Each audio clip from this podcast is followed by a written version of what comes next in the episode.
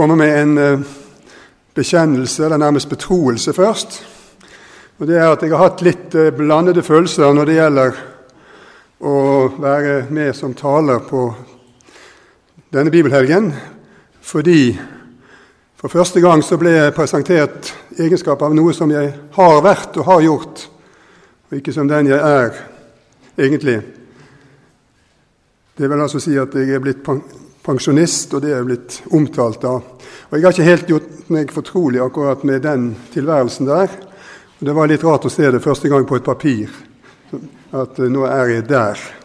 Ikke lenger der jeg var. Men, men, jeg stiller nå opp her likevel med friskt mot.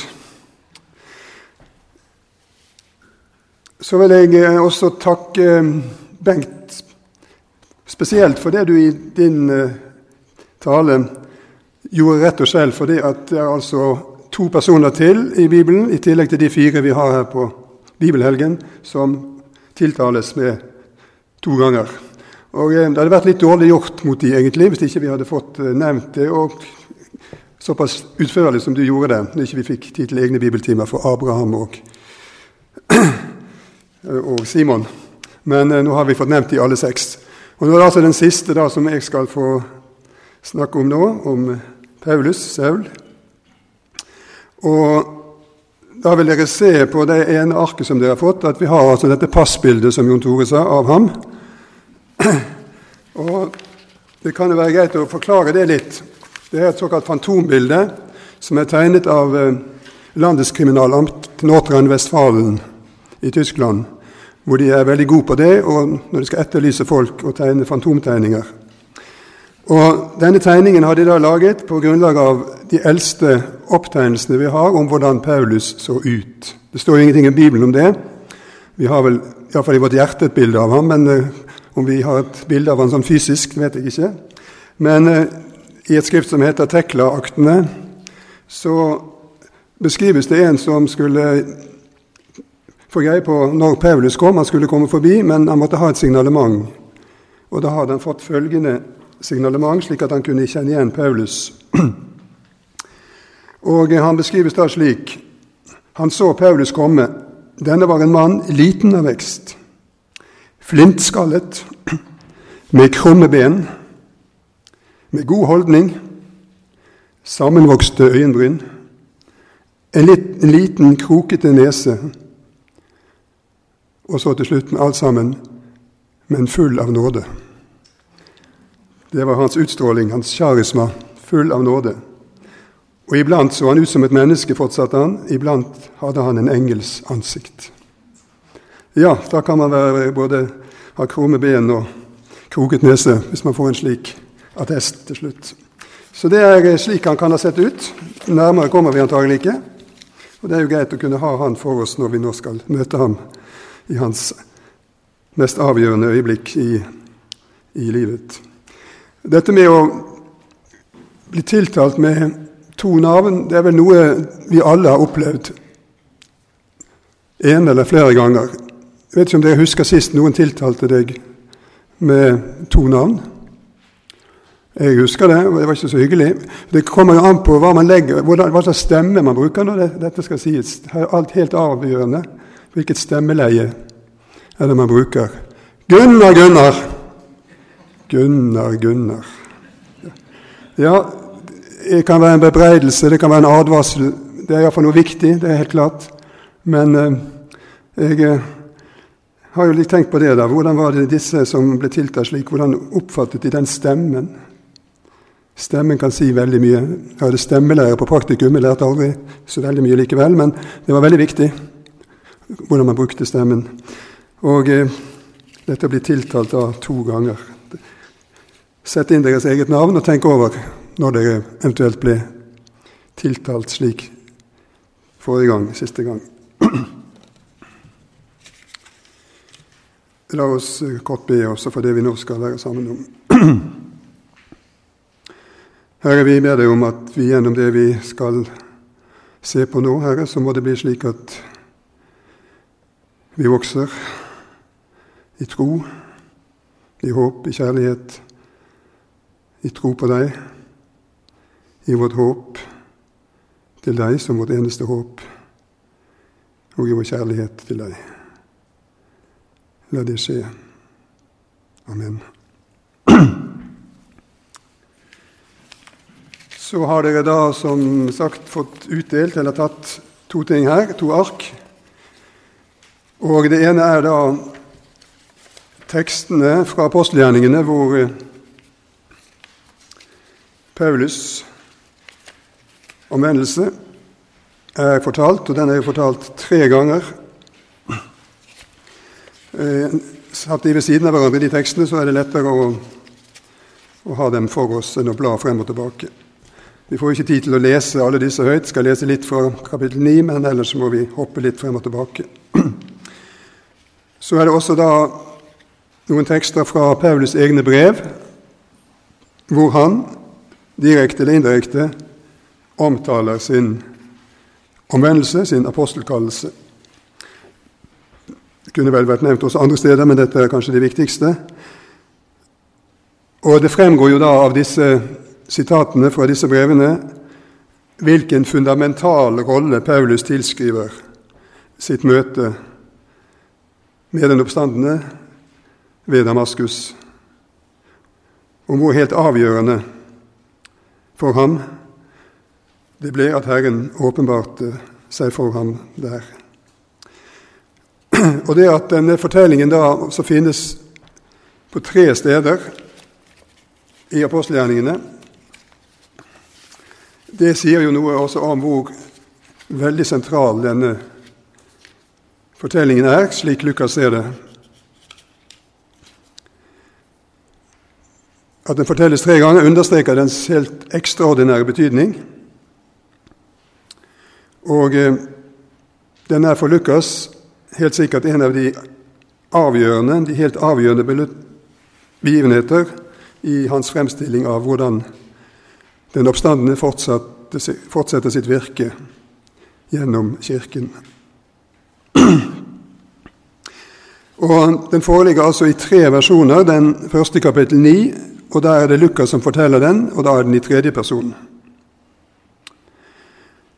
De to andre i kapittel 22 og i 26, der er det Paulus som forteller historien i første person. Kapittel 22, da er vi i Jerusalem. Paulus er blitt arrestert, det er voldsomme tumulter og opptøyer der. Paulus er i livsfare. Det er lynsjestemning blant enkelte jøder. Så blir han så å si reddet av kommandanten for eh, den romerske garnisonen, Klevdius Lysias, og han får lov til å tale til jødene. Og der kommer han altså også inn på, på denne skjellsettende begivenheten i hans liv. Og den tredje versjonen, da er vi i Cesarea ved havet. Da er Paulus varetekt fengslet på vei til Roma fordi han har innanket sin sak for keiseren. Og han holder flere talere der, og en av dem er da forsvarstalen for kong Agrippa. Og her omtaler han da også hvordan det gikk til da hans liv ble snudd opp ned. Men det er også veldig spesielt dette at vi har tre fortellinger om denne dramatiske historien det som skjedde Paulus i år 33, kanskje 34.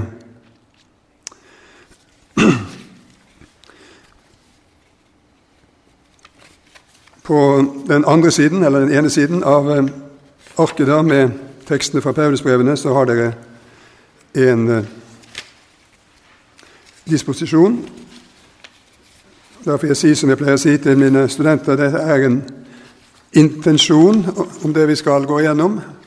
Eh, ikke noe løfte om at alt dette kommer vi igjennom. Sånn som politikerne også, når de lover noe, så er det jo en intensjon de egentlig har. Det hadde vært mye bedre å si det. Nå har vi jo veldig god tid da, i dag, fordi eh, det skal ikke være noe etterpå. Og eh, nå vet jeg at Olaf skal med bussen kvart på fire. Og jeg skulle gjerne sett hopprennet fra skiflyvning i Oberstdorf klokken fire. Så før da bør vi i hvert fall være ferdig. Litt først om selve navnespørsmålet her. Saul, Saul er altså tiltalen. Det er jo et hebraisk navn, og det står det også i den siste versjonen her. Der står det at der først får vi vite at den oppstandende talte til Paulus på hebraisk. Det står uttrykkelig der i kapittel 26. Men eh, han har altså da Og det er da den hebraiske som vi på hebraisk heter Shaul, som vi transkriberer da med Saul. Også da navnet på, på Israels konge, kong Saul. Og ifølge Lukas da så bruker den opphøyde Jesus da denne navneformen Saul. Og slik er det også med Ananias i 917. Og i 1321 så brukes det om kong Saul, denne navneformen. Ellers er det da formen Saulus, og fra 1309 så er det formen Paulus. Og Nå er dette med navn litt komplisert. Vanligvis så hadde romerske borgere, Paulus var jo det, de hadde tre navn. Fornavn, slektsnavn og tilnavn. Vi kjenner da bare tilnavnet Paulus, som ble brukt i ikke-jødisk miljø. Og nå har ikke, Det er en ganske populær misforståelse det, å tro at dette navneskiftet det har noe med hans omvendelse å gjøre. At han het Saul eller Saulus før Damaskus og Paulus etter. Men det er ikke riktig. Når han da fra 13.9 av konsekvent omtales som Paulus, så er det en markering av at apostelen fra da av for det meste beveget seg i gresk-romerske områder. Og eh, jøder i slike miljøer tok ofte et tilnavn som lød likt eller tilnærmet deres egentlige navn. Og det er jo ikke langt mellom Saulus og Paulus i bokstavene eller i lydlikhet. Så det er da til, til navnene, formene. Og så skal vi se litt på forfølgeren Paulus. Vi skal nå lese først da noen vers fra beretningen i kapittel 9. Ikke hele, men ta med oss begynnelsen og selve det dramatiske møtet mellom den oppstandende og den forfølgeren Paulus. Saulus raste fremdeles mot Herrens disipler. Fremdeles, står det. Ja, det har stått det før, i 8, kapittel 8, vers 3, om eh, forfølgelsen som brøt ut etter at Stefanus var blitt steinet. Og Der står det om Paulus at han for hardt frem mot menigheten. Han trengte seg inn i hjemmene og slepte ut både menn og kvinner og fikk dem kastet i fengsel. Og eh, så står det altså at han fremdeles raste mot Herrens disipler, fnyste mot dem, kunne vi nesten si ut fra grunnteksten. Truet dem på livet. Gikk med mordplaner. Han gikk til øverstepresten, det må være Kaifas, og ba om brev til synagogene i Damaskus for å kunne finne dem som hørte til veien, det eldste kristne navnet på den kristne bevegelsen, både menn og kvinner, og føre dem i lenker til Jerusalem. Underveis, da han nærmet seg Damaskus, strålte plutselig et lys fra himmelen omkring ham. Han falt til jorden og hørte en stemme som sa, Saul, Saul, Hvorfor forfølger du meg? Hvem er du, Herre? spurte Saul, og svaret lød, Jeg er Jesus, han som du forfølger. Men reis deg og gå inn i byen. Der vil noen si deg hva du skal gjøre. Mennene som fulgte ham, sto målløse. De hørte stemmen, men så ingen. Saulus reiste seg og åpnet øynene, men han kunne ikke se. Så tok de ham i hånden og leide ham inn til Damaskus. I tre dager var han uten syn, han verken spiste eller drakk. Og Så får vi da fortsettelsen høre om hvordan Ananias dukker opp og blir et redskap for det som nå skal skje. Men eh, noen flere ord da om dette med forfølgeren.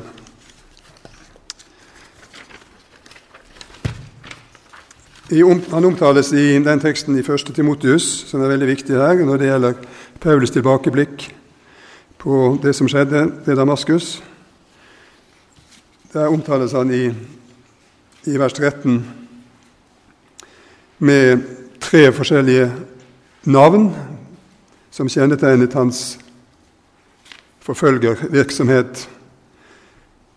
Spotter, voldsmann og Eller vi kunne nesten si terrorist, voldsmann, terrorist, og selotisk, i betydningen en som var brennende av iver, som hadde en nidkjærhet for noe. Nidkjærhet i denne sammenheng da når det gjaldt å få stoppet den kristne bevegelsen, Jesusbevegelsen. Dette med å spotte det står i den tredje versjonen av fortellingene om, om Paulus som blir omvendt, i kapittel 26, vers 11. Der står det at han tvang Jesus-troende jøder til å spotte. Altså han forsøkte å få dem til å avsverge troen på Jesus. Plinius den yngre, en guvernør i Betynia i Lille-Asia, skrev skrevet noen brev som er blitt veldig viktige kirkehistorisk til keiseren i Rom, til Trajan, i år 112. Og Der sier han at de som var mistenkt for å være kristne, de ble løslatt hvis de adlød ordren om å forbanne Kristus. Plinius vet nemlig, det skriver han uttrykkelig, at folk som virkelig er kristne, de kan ikke gjøre noe slikt. Men han skulle da få se hvem som virkelig var kristne og ikke. Så allerede den førkristne Paulus da bruker et av de mest anvendte midlene i kristenforfølgelsens historie frem til vår tid, nemlig å få en Jesus-troende til å spotte fornekte, forbanne sin Herre. Det andre er da voldsmannen. Hvor voldsomt jeg forfulgte Guds kirke, sier han i Galatane 1,13. Og her da i 1. Tim 1,13.: Jeg som tidligere spottet, forfulgte og brukte vold. Og Det står jo også at han lot en piske et sted, en blodig avstraffelse. Han brukte vold. Han var en voldsmann. Og det siste at han bruker, eller han beskrives med en terminologi som knyttes til selotene. Det var jo denne geriljabevegelsen som gjorde opprør mot romerne, ikke minst i den romersk-jødiske krig. spilte de en sentral rolle. Og de hadde sitt navn spesielt etter en fra Det gamle testamentet som heter Pinas. Og han er en av heltene i jødisk historie. Fordi det som berettes om han da i 4. Mosebok 25, det sies det nettopp det at han var en som brant, eller som var brennende, viste brennende iver for Guds sak. Eh, når han da drepte en moabittisk kvinne og en jødisk mann som hadde inngitt seg med henne, og på den måten avvendte Guds vrede mot israelittene. Det er altså i denne tradisjonen Paulus ser sitt førkristne virke, at han er en som brenner av iver for Guds sak, for jødenes sak, for loven. Og da var det, slik han opplevde det, det var det en plikt for ham å gripe inn. Og når han skriver om seg selv at han gikk lenger i sin jødedom enn mange jevnaldrende i mitt folk, i Galaterne skriver han det, så kan vi vel også utvide det til å si at det gjelder også at han gikk lenger enn de fleste av sine, ikke minst sine partifeller, av fariseerne. Vi får nemlig ikke inntrykk av at de var de verste når det gjaldt hatet mot uh, Jesusbevegelsen. Men uh, Paulus gikk da lenger enn de fleste av sine partifeller i hat og i forfølgelse. Han var en ekstremist, ville vi kalle ham i dag. Og Dette er da bildet som tegnes så sterke, med så sterke streker, og som han selv kommer tilbake til flere ganger. Og så er det da Damaskus-hendelsen.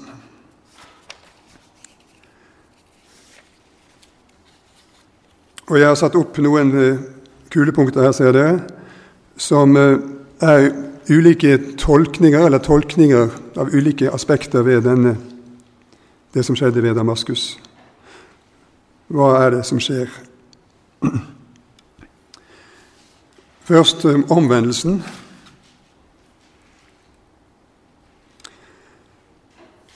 Vi bruker det ordet. Det er nok litt omstridt i forskningen hvor riktig det ordet er. Eh, hva, slags, eh, hva man mener med omvendelse her. Det er jo ikke da en konvertering, og det har jeg skrevet da på dette punktet. Paulus er ikke konvertitt. Han omvender seg ikke fra én religion til en annen, fra jødedom til kristendom. Men eh, ellers er det jo en omvendelse, en radikal omvendelse.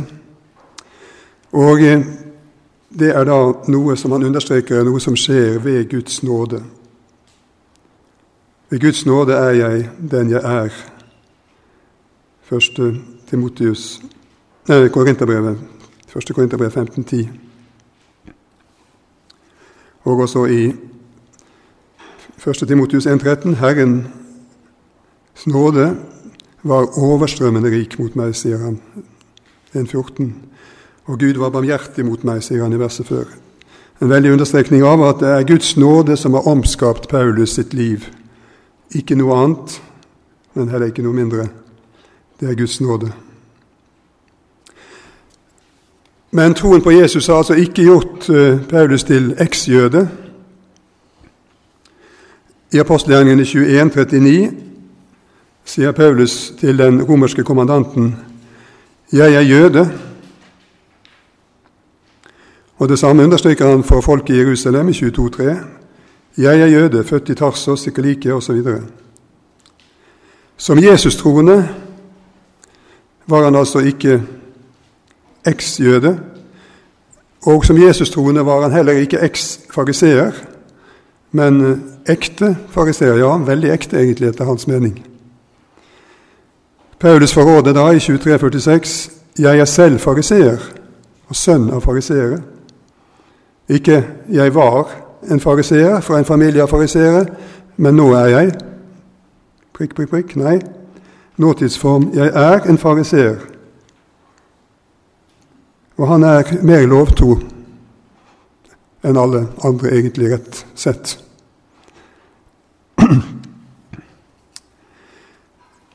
Så dette er det første punktet. Omvendelse ved Guds nåde, men fremdeles jøde, fremdeles fariseer, men en jødekristen.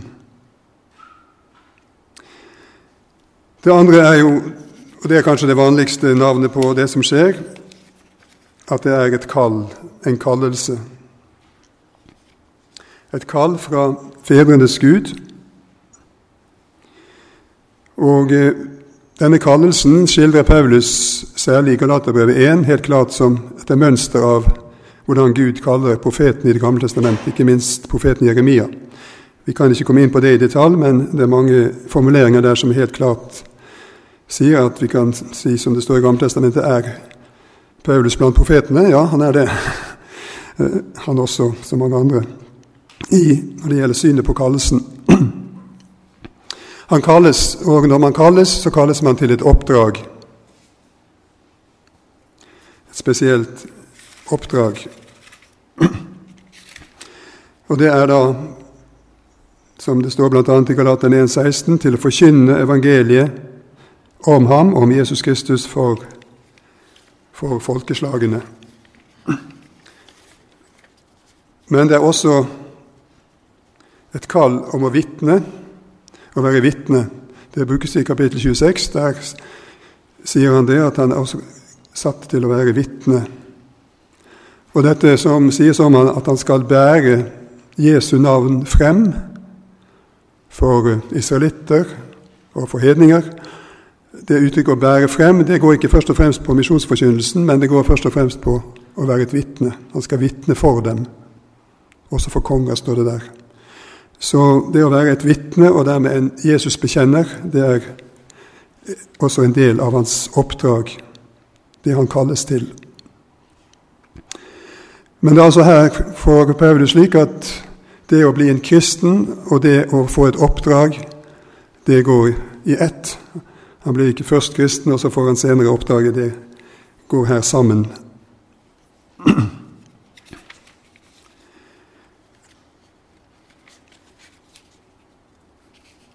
Og så for det tredje, da, med et fint ord, så er det som skjer ved Damaskus, av Paulus tolket som en kristofani, som er et teologisk uttrykk som brukes om at Kristus åpenbarer seg, viser seg.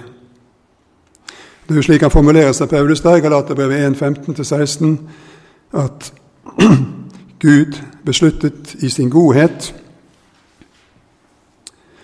i sin godhet og åpenbare sin sønn for meg. Og i 1. Korinterbrev 15,8 aller sist viste Kristus seg for meg. Og i 1. Korinterbrev 9 så kan han understreke at han har sett Jesus. Jeg har sett Jesus, vår Herre.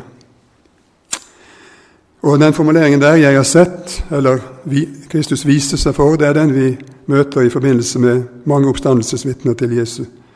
De også, det beskrives også som dette. De som møtte den oppstandende, de hadde sett Herren. Herren hadde vist seg for dem. Og Når Paulus bruker denne terminologien selv, så er det altså for å stille seg på lik linje med, med de første oppstandelsesvitnene, med de Jesu disipler. Han er, selv om han er beskjeden og sier at han er den siste og ikke er verdig til å kalles apostel, så er han like fullt selvbevisst på at han, at han har sett den oppstandende på lik linje, med samme virkning, med samme betydning som eh, hans disipler. I denne kristofanien, og da kommer vi til det fjerde punktet, så ligger det da en radikal teologisk snuoperasjon i Paulus sitt liv. Damaskus-opplevelsen legger hele grunnlaget for Paulus' teologi. Fra Damaskus-hendelsen av så er all hans tanke, all hans virksomhet Det har bare ett utgangspunkt og ett eneste mål. Jesus Kristus og Han korsfestet. Da den oppstandende Jesus åpenbarte seg for ham, så ble han en gang for alle overbevist om at Jesus fra Nasaret, han som de kristne holdt for Messias, og som de sa var oppstått fra de døde, han ble overbevist om at denne Jesus virkelig levde. Gud hadde reist ham opp fra graven. Og Derfor var hans korsfestelse ikke det som han før hadde ment det var ikke det endelige bevis på at han var en bedrager. Det var et bevis på hans nederlag. Nei, korset var det endelige bevis på hans seier. Paulus hadde sett den oppstandende Herre Jesus Kristus. Og så blir altså den korsfestede utgangspunkt, midtpunkt og sluttpunkt for alt han skriver, for alt han sier, for alt han foretar seg.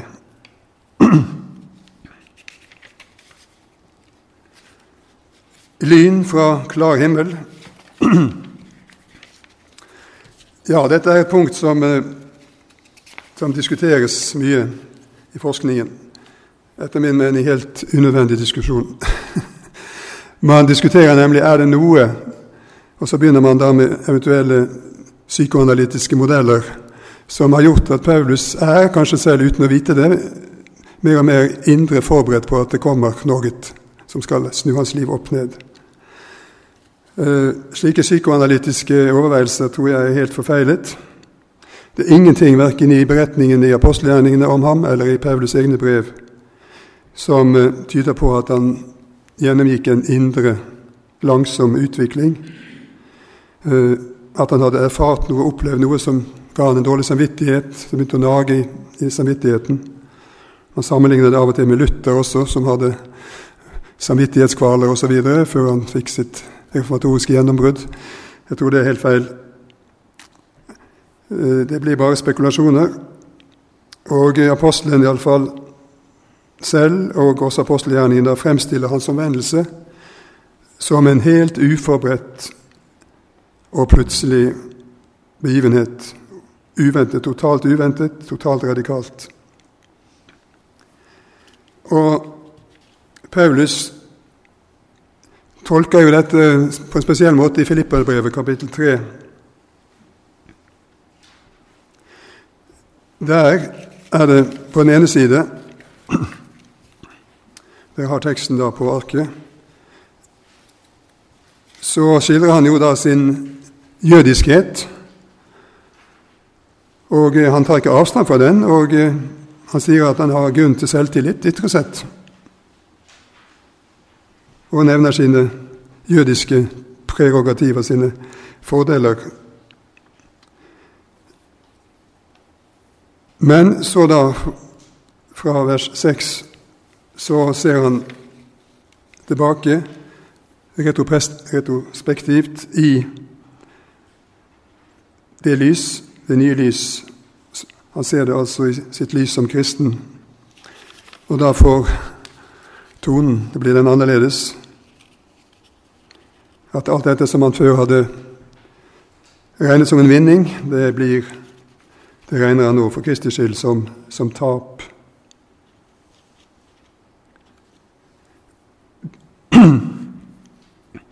De verdier han hadde hatt, det regnet han nå som verdiløst skrap, søppel. Det er brukt et så sterkt ord her på, på gresk at eh, jeg har vært litt med på bibeloversettelse. At vi overveide å bruke mye sterkere enn det som vi har brukt. Men eh, det ble, var liksom for, for voldsomt og nesten vulgært, for det er et vulgærord. Dette ordet som er brukt, det går på avfall, søppel, på bergensk boss. Eller da enda verre avføring, ekskrementer. Et sjokkerende ord, egentlig, å ta i sin munn, det Paulus sier her. Men eh, vi har da nøyd oss med oversettelsen 'verdiløst skrap'. Skarn sto det vel i gamle oversettelser, gjorde det ikke det? Jo. Men iallfall et sjokkerende sterkt ord eh, som han griper til her for å understreke så sterkt som han bare kan hvordan alt, absolutt alt, er blitt snudd opp ned.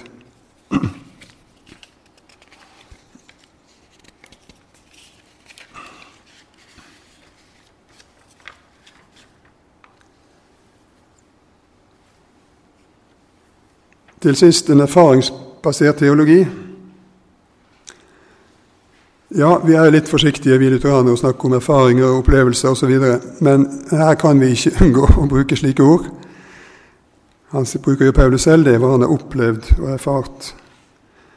Og det er denne begivenheten som da blir også teologisk. Men det skjer ikke med en frittstående erfaringsteologi. Det er en erfaringsteologi som man knytter med en gang til de hellige skrifter. Han tolker det han har opplevd, med grunnlag i og i lys av de hellige skrifter.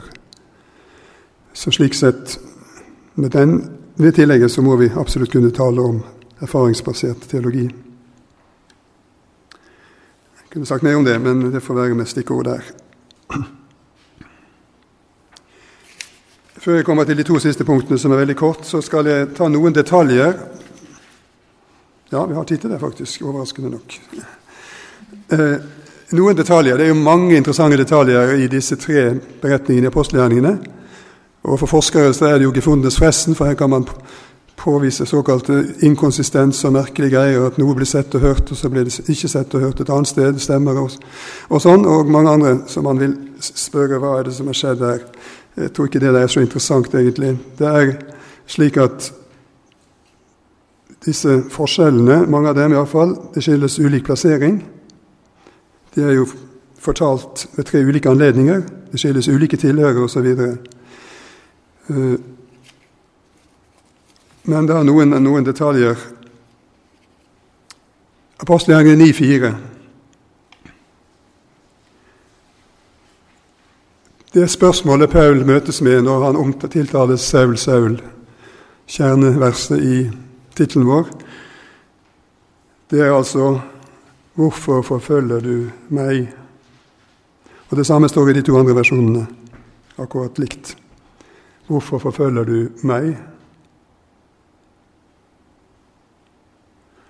Ja, vi skulle vel ventet 'Hvorfor forfølger du mine etterfølgere, de som tror på meg, de kristne?' Men eh, denne, dette er altså da til syvende og sist hans kristenforfølgelse. Det er en forfølgelse av Kristus selv. Jesus identifiserer seg på denne måten helt og fullt med de som forfølges for hans skyld. Alle reaksjoner mot de kristne er dypest sett rettet mot ham. Og Det sier jo noe om et dypt skjebnefellesskap mellom Jesus og hans trofaste etterfølgere. Så slik har altså Paulus, Saul, gjennom sine angrep mot de kristne forfulgt Jesus selv.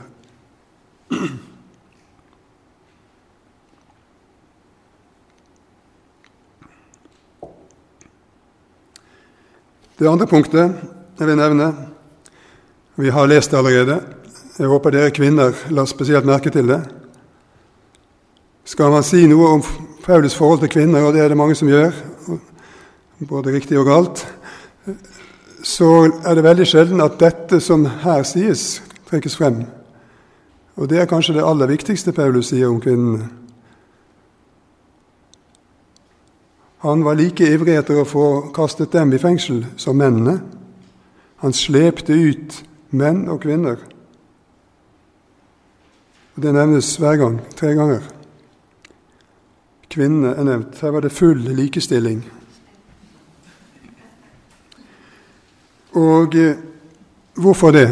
Selvfølgelig fordi Paulus visste at skulle han stoppe denne fremvoksende sekten i Jesusbevegelsen, få tatt knekken på den en gang for alle, så måtte han få stoppet munnen på kvinnene. Han hadde skjønt så mye at de spilte en avgjørende rolle i mange menigheter. Uten dem hadde det meste stoppet opp. Og det var absolutt nødvendig å være faget like hardhendt frem mot dem som mot mennene. Jeg syns det er til egen ettertanke.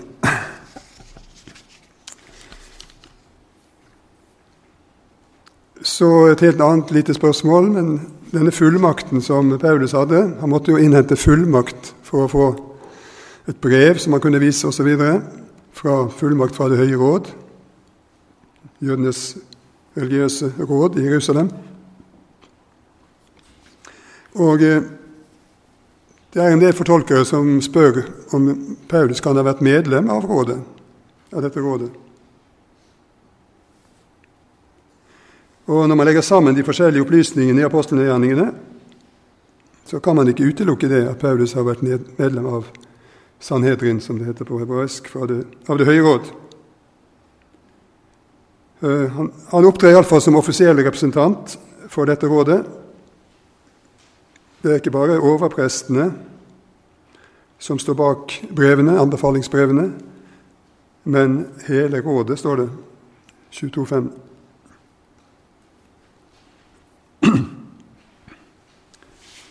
Og Paulus har da tidligere også vært ute på, på lignende oppdrag, som det vi leser om her i kapittel 9. Eh, han var jo enig i mordet på, på Stefanus, står det i 8.1, og han hadde forfulgt Jesusbevegelsen til andre byer i utlandet, 26.11. Og eh, han stemte for henrettelsen av noen fra Jesusbevegelsen, 26.10. Og Noen mener dette er lettest å forstå hvis eh, vi antar at Paulus var et fullverdig medlem av Det høye, høye råd.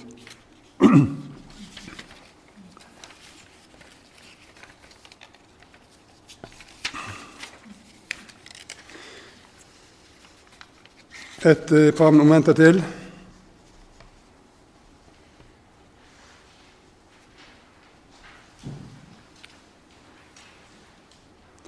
Det er dåpen.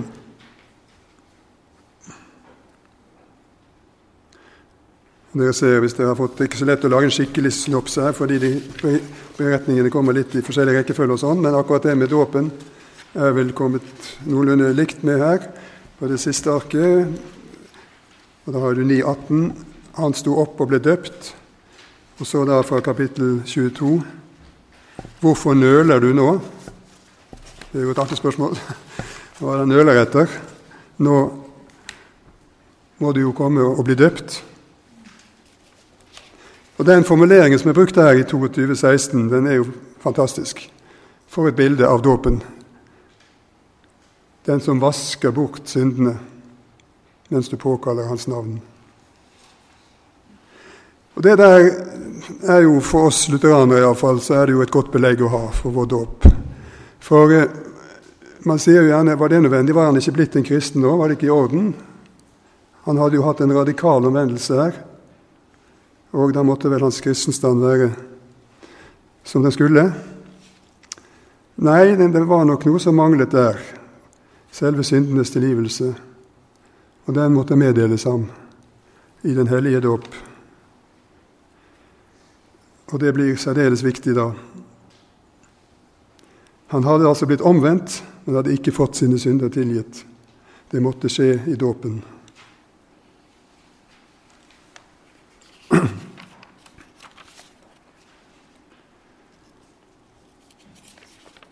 Et lite moment til.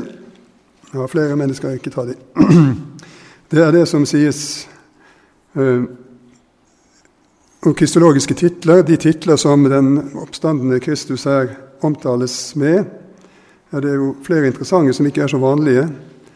Han omtales som tjener, bl.a., og da er det nok henspilling på Herrens tjener i den andre delen av Jesaja-boken. Men også da i 2214 om det Ananias sier til Paulus. Gud har bestemt deg til å se den rettferdige. Den rettferdige. Det er en litt uvanlig betegnelse på, på Jesus. Eh, det betyr ikke da bare en som, som er rettferdig og gjør det, er, har, At det preger hans forkynnelse osv. Hans fremferd, å være rett og rettferdig. Men eh, det er med bakgrunn i Det gamle testamentet, i tekster som tolkes messiansk. Se, med rettferd skal kongen regjere, Jesaja 32,1, og ikke minst Jeremia 23, 5-6. Se, dager skal komme, sier Herren, da jeg reiser opp en rettferdig spire for David. Kongen skal gjøre det som er rett og rettferdig i landet.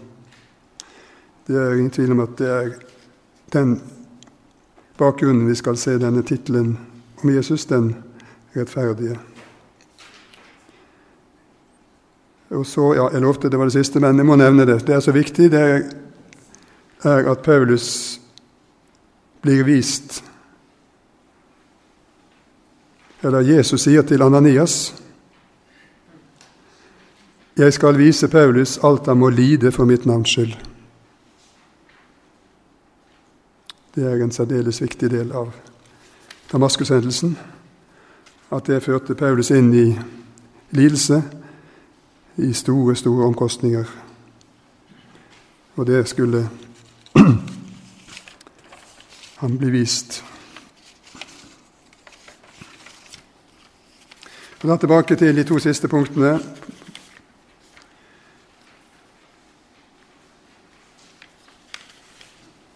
Det er jo noe helt spesielt, denne fortellingen om Paulus. Den er så enestående på en måte at vi kan jo spørre har den noe å si oss. Vi kommer neppe Noen av, har ikke vært og kommer ikke noen av oss i en, noe som kan sammenlignes en gang med, med dette radikale Eh, men det er vel likevel noe. og Paulus selv bruker faktisk et, et sted i første tim, den teksten som vi har her fra 1. Timotius 1, ordet om det som skjedde med ham, at det er et forbilde, sier han. Kristus forbarmet seg over ham og viste ham, sier han, hele sin tålmodighet til et forbilde for dem som senere skulle komme til tro på ham og få evig liv. Og Da må denne livshistorien til Paulus altså kunne være en slags eksempelfortelling likevel, når det gjelder det helt avgjørende viktige, det den sier om Guds nåde, Guds forvandlende nåde, om Guds barmhjertighet. Det blir en illustrasjon av hva evangeliet handler om. Kristus Jesus kom til verden for å frelse syndere. Det sier Paulus nettopp her i første time 1, hvor han ser tilbake på Damaskus-hendelsen.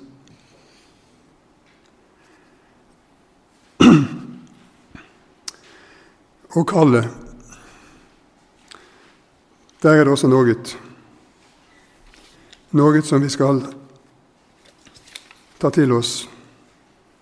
Paulus hadde jo en særdeles sterk og stor kallsbevissthet.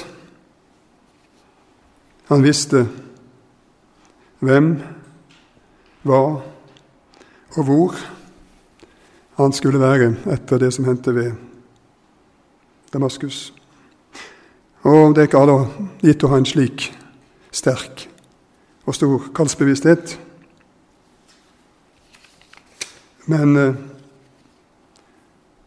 enhver kristen har en stående, et stående kall til å vitne om sin frelser og Herre Jesus Kristus. Det var en del av Paulus sitt kallsoppdrag også. Og bekjenne ham som Herre. Og til å tjene Gud og medmennesker. Ikke på så spektakulært vis som Paulus, men å gjøre det lille du kan, der Gud har deg satt. Det heter i Line Sandels sang ikke noen som jeg hørte det sitert 'Gjør så lite du kan', men uh, gjør det lille du kan. Men der hvor Gud har deg satt Gud har altså innsatt oss, og det er det som skjer med Paulus. Han innsettes til denne tjenesten. Det brukes, bruker han selv det uttrykket. Det brukes av fortellingene. Og Gud innsetter oss alle på forskjellig vis i ulike sammenhenger til til det samme. Til tjeneste for ham og vår neste. Og da, da er det dette ordet som eh, vi kunne ha neste bibelhelgen. Jeg skal ikke foreslå mer nå, for jeg gjorde det denne gangen. Men 'her er jeg', det har vi jo vært innom. Det er jo i forbindelse med disse tiltalene flere steder, så blir responsen da 'Her er jeg', 2. Mosebok 3,4. 1. Samuel 3,16 om Samuel, 'Her er jeg', når han blir ropt. Jesaja 6,8, det har vi ikke, men her er jeg, send meg. Apostelgjerningen 9,11 om Ananias, som faktisk bruker også det. Her er jeg. Det skal være syv ganger i Det gamle testamentet at den formuleringen er brukt. Vi får sjekke opp det. Men iallfall, det er denne villigheten til å gå på Herrens løfter. Her er jeg, bruk meg i din tjeneste.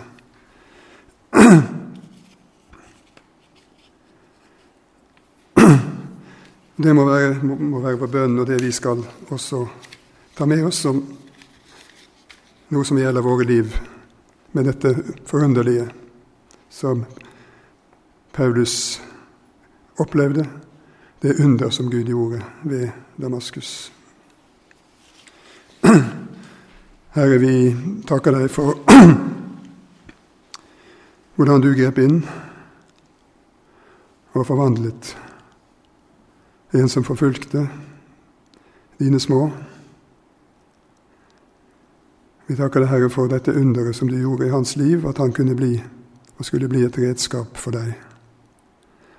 Og vi takker deg, Herre, for Paulus, at han trofast, med alle omkostninger, og til slutt med sitt eget liv, var trofast mot kallet og alt det som han etterlot, oss, etterlot seg til oss, for at vi også skal holde ut og fullføre våre løp i troen på deg. Takk, Herre, for din uendelige nåde, og la oss leve i den og av den hver dag og time. Amen.